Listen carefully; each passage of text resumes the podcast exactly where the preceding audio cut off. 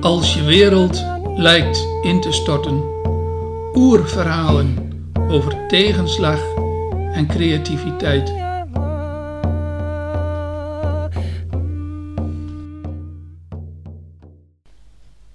De terugkeer van een veteraan. De zon staat al laag als de voeten van een vermoeide reiziger het pad betreden dat noordwaarts door de oude venen leidt. De vertrouwde geur van rottende plantendelen heeft hij al lang niet meer in zijn neus gehad. Het is een man van zo'n veertig jaar. Precies zal hij het zelf niet kunnen zeggen. De tijd ging zo snel. Zijn gezicht is getekend door het leven dat nu achter hem ligt. Een litteken komt nog net boven de baard uit, die hij sinds een week of drie heeft laten staan. Het bronzen scheermes brak, maar scheermessen heeft hij nou ook niet meer nodig in het land van zijn jeugd.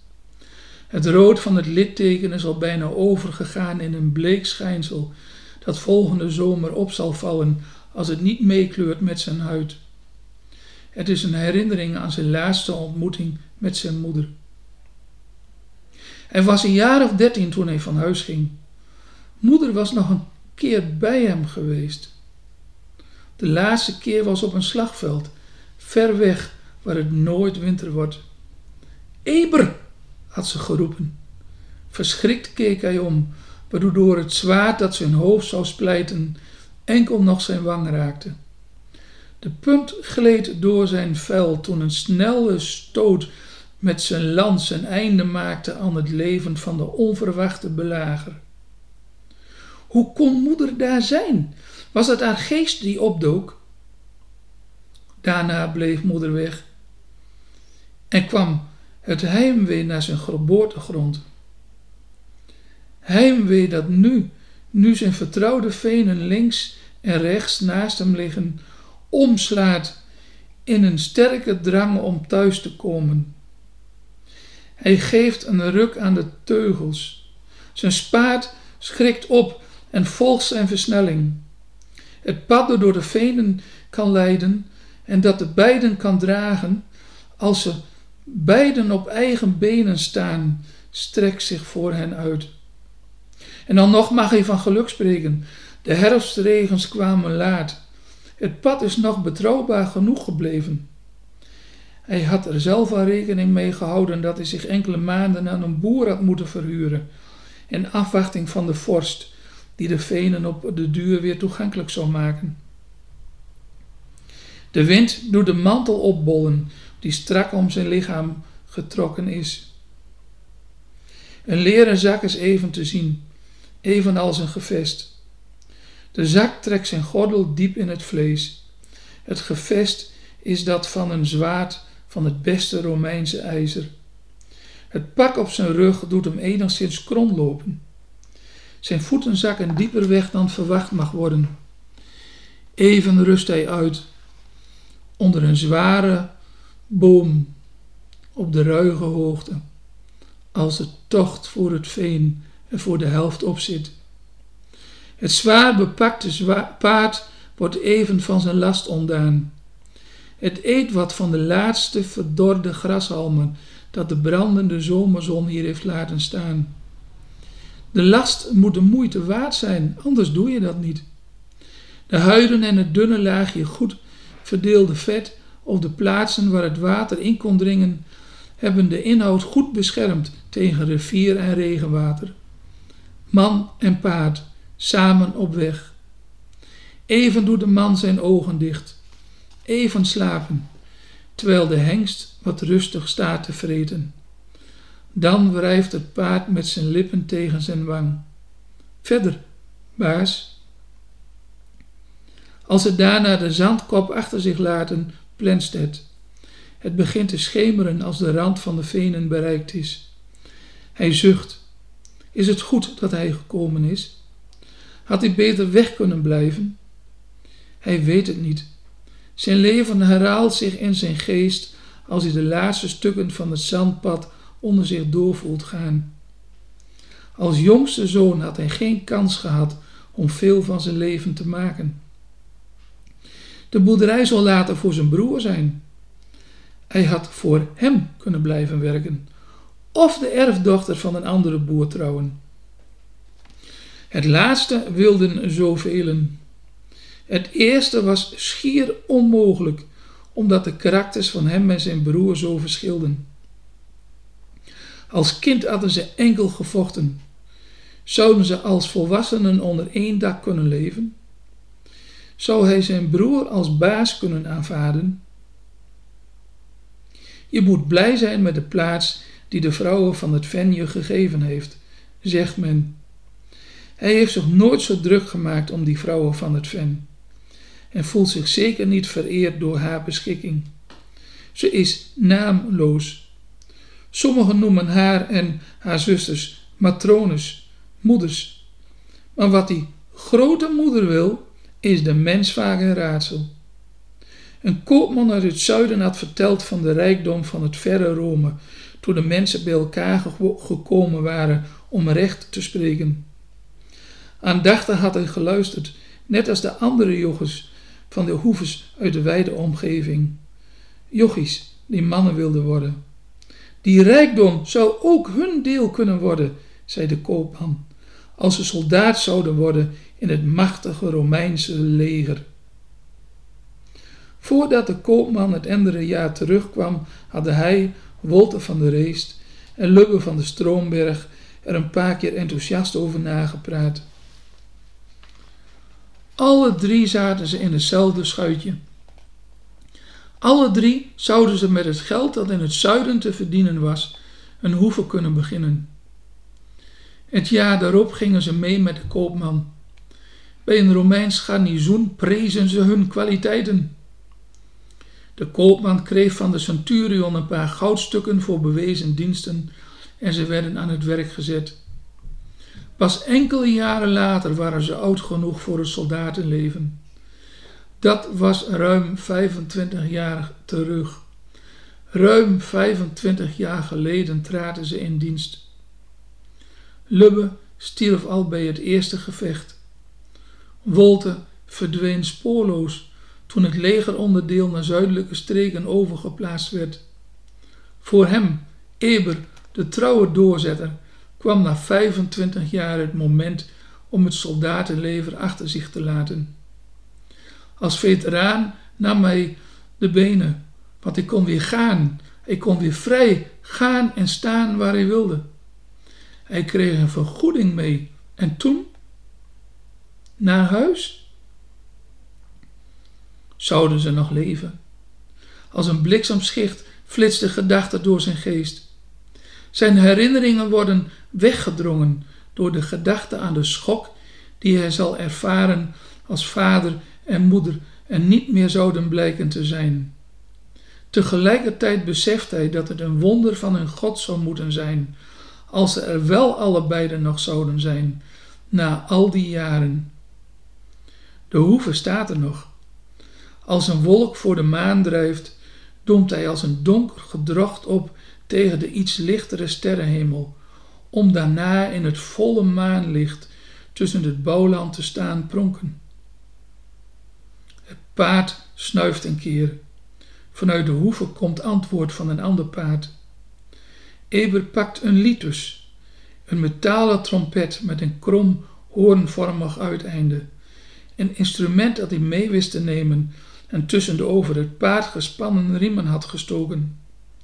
Hij blaast een signaal dat hij als kind al kende en van iedereen hem toen wist te herkennen.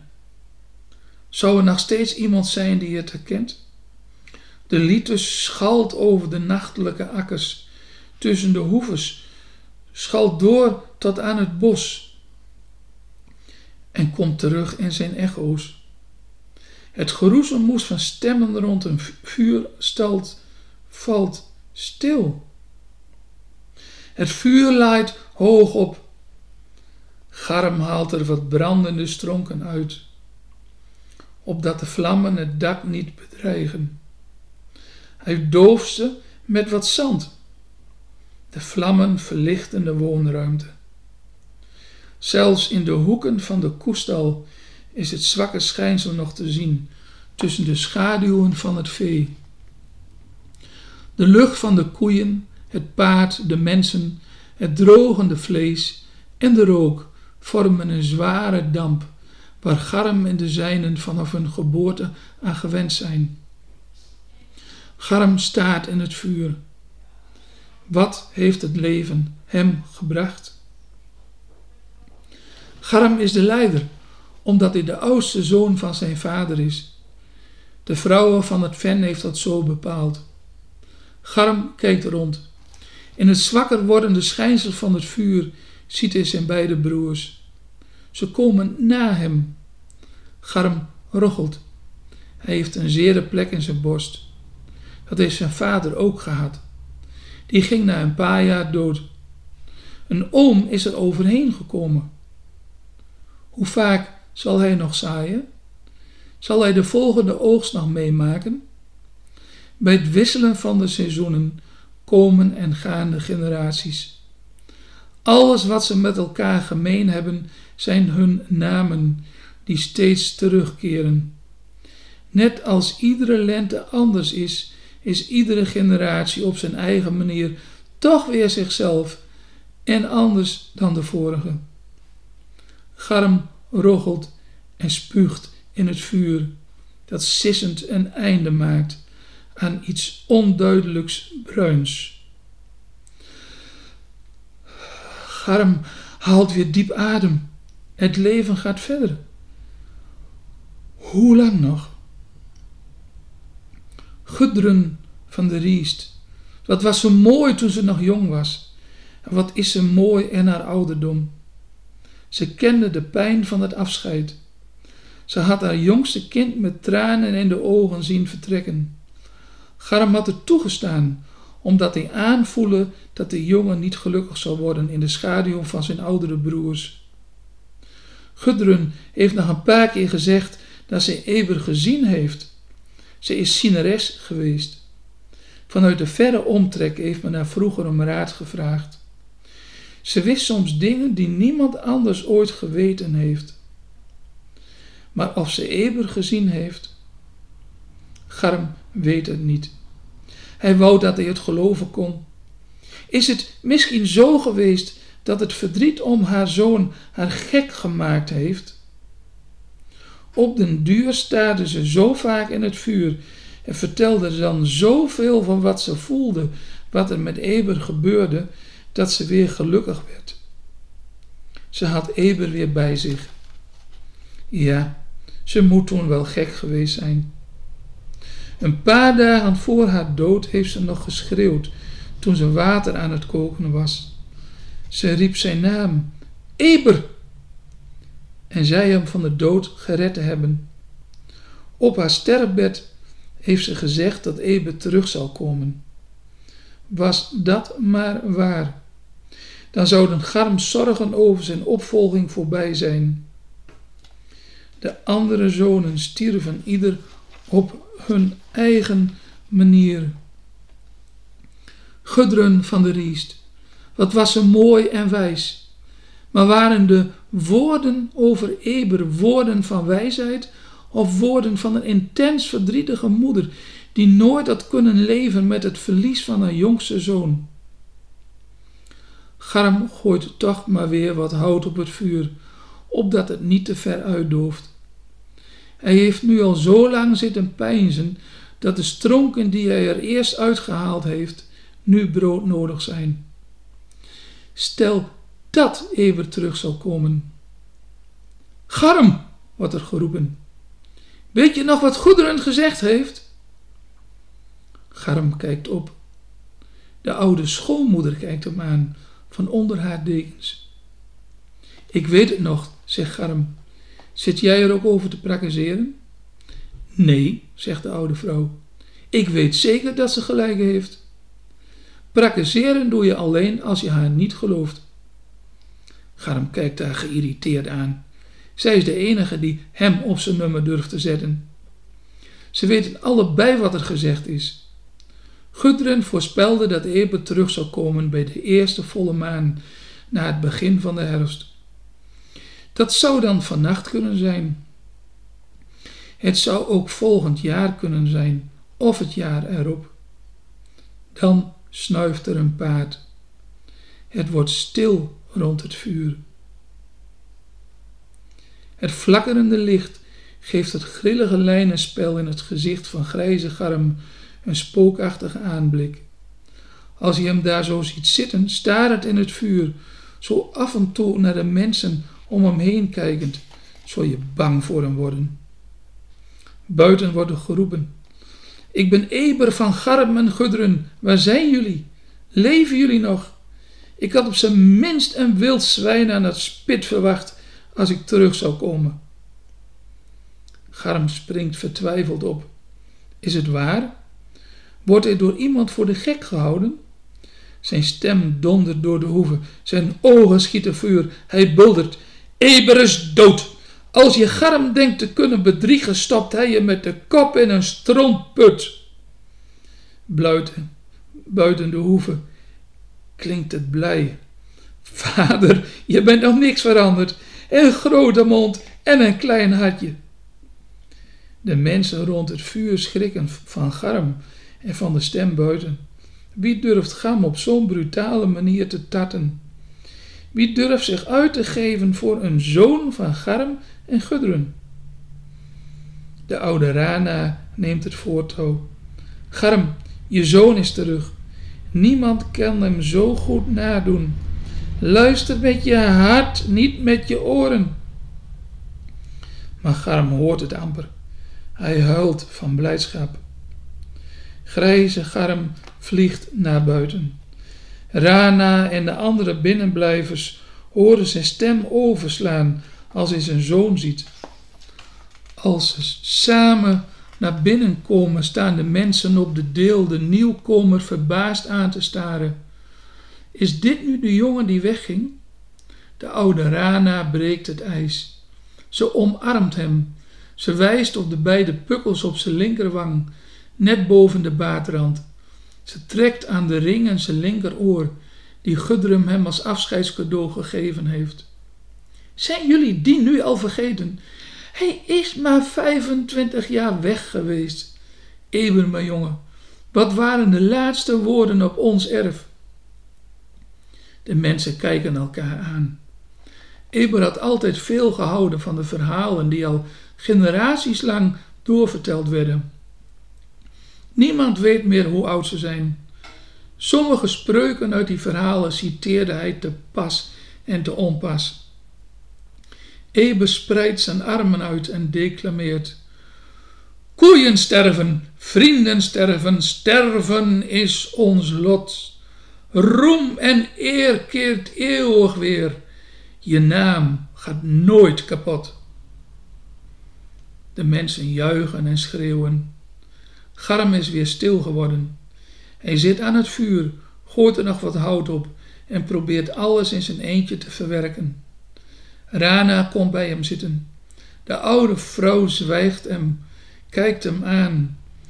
Ze wordt stil. Ze weten van elkaar waar ze aan denken. Vertel jij het?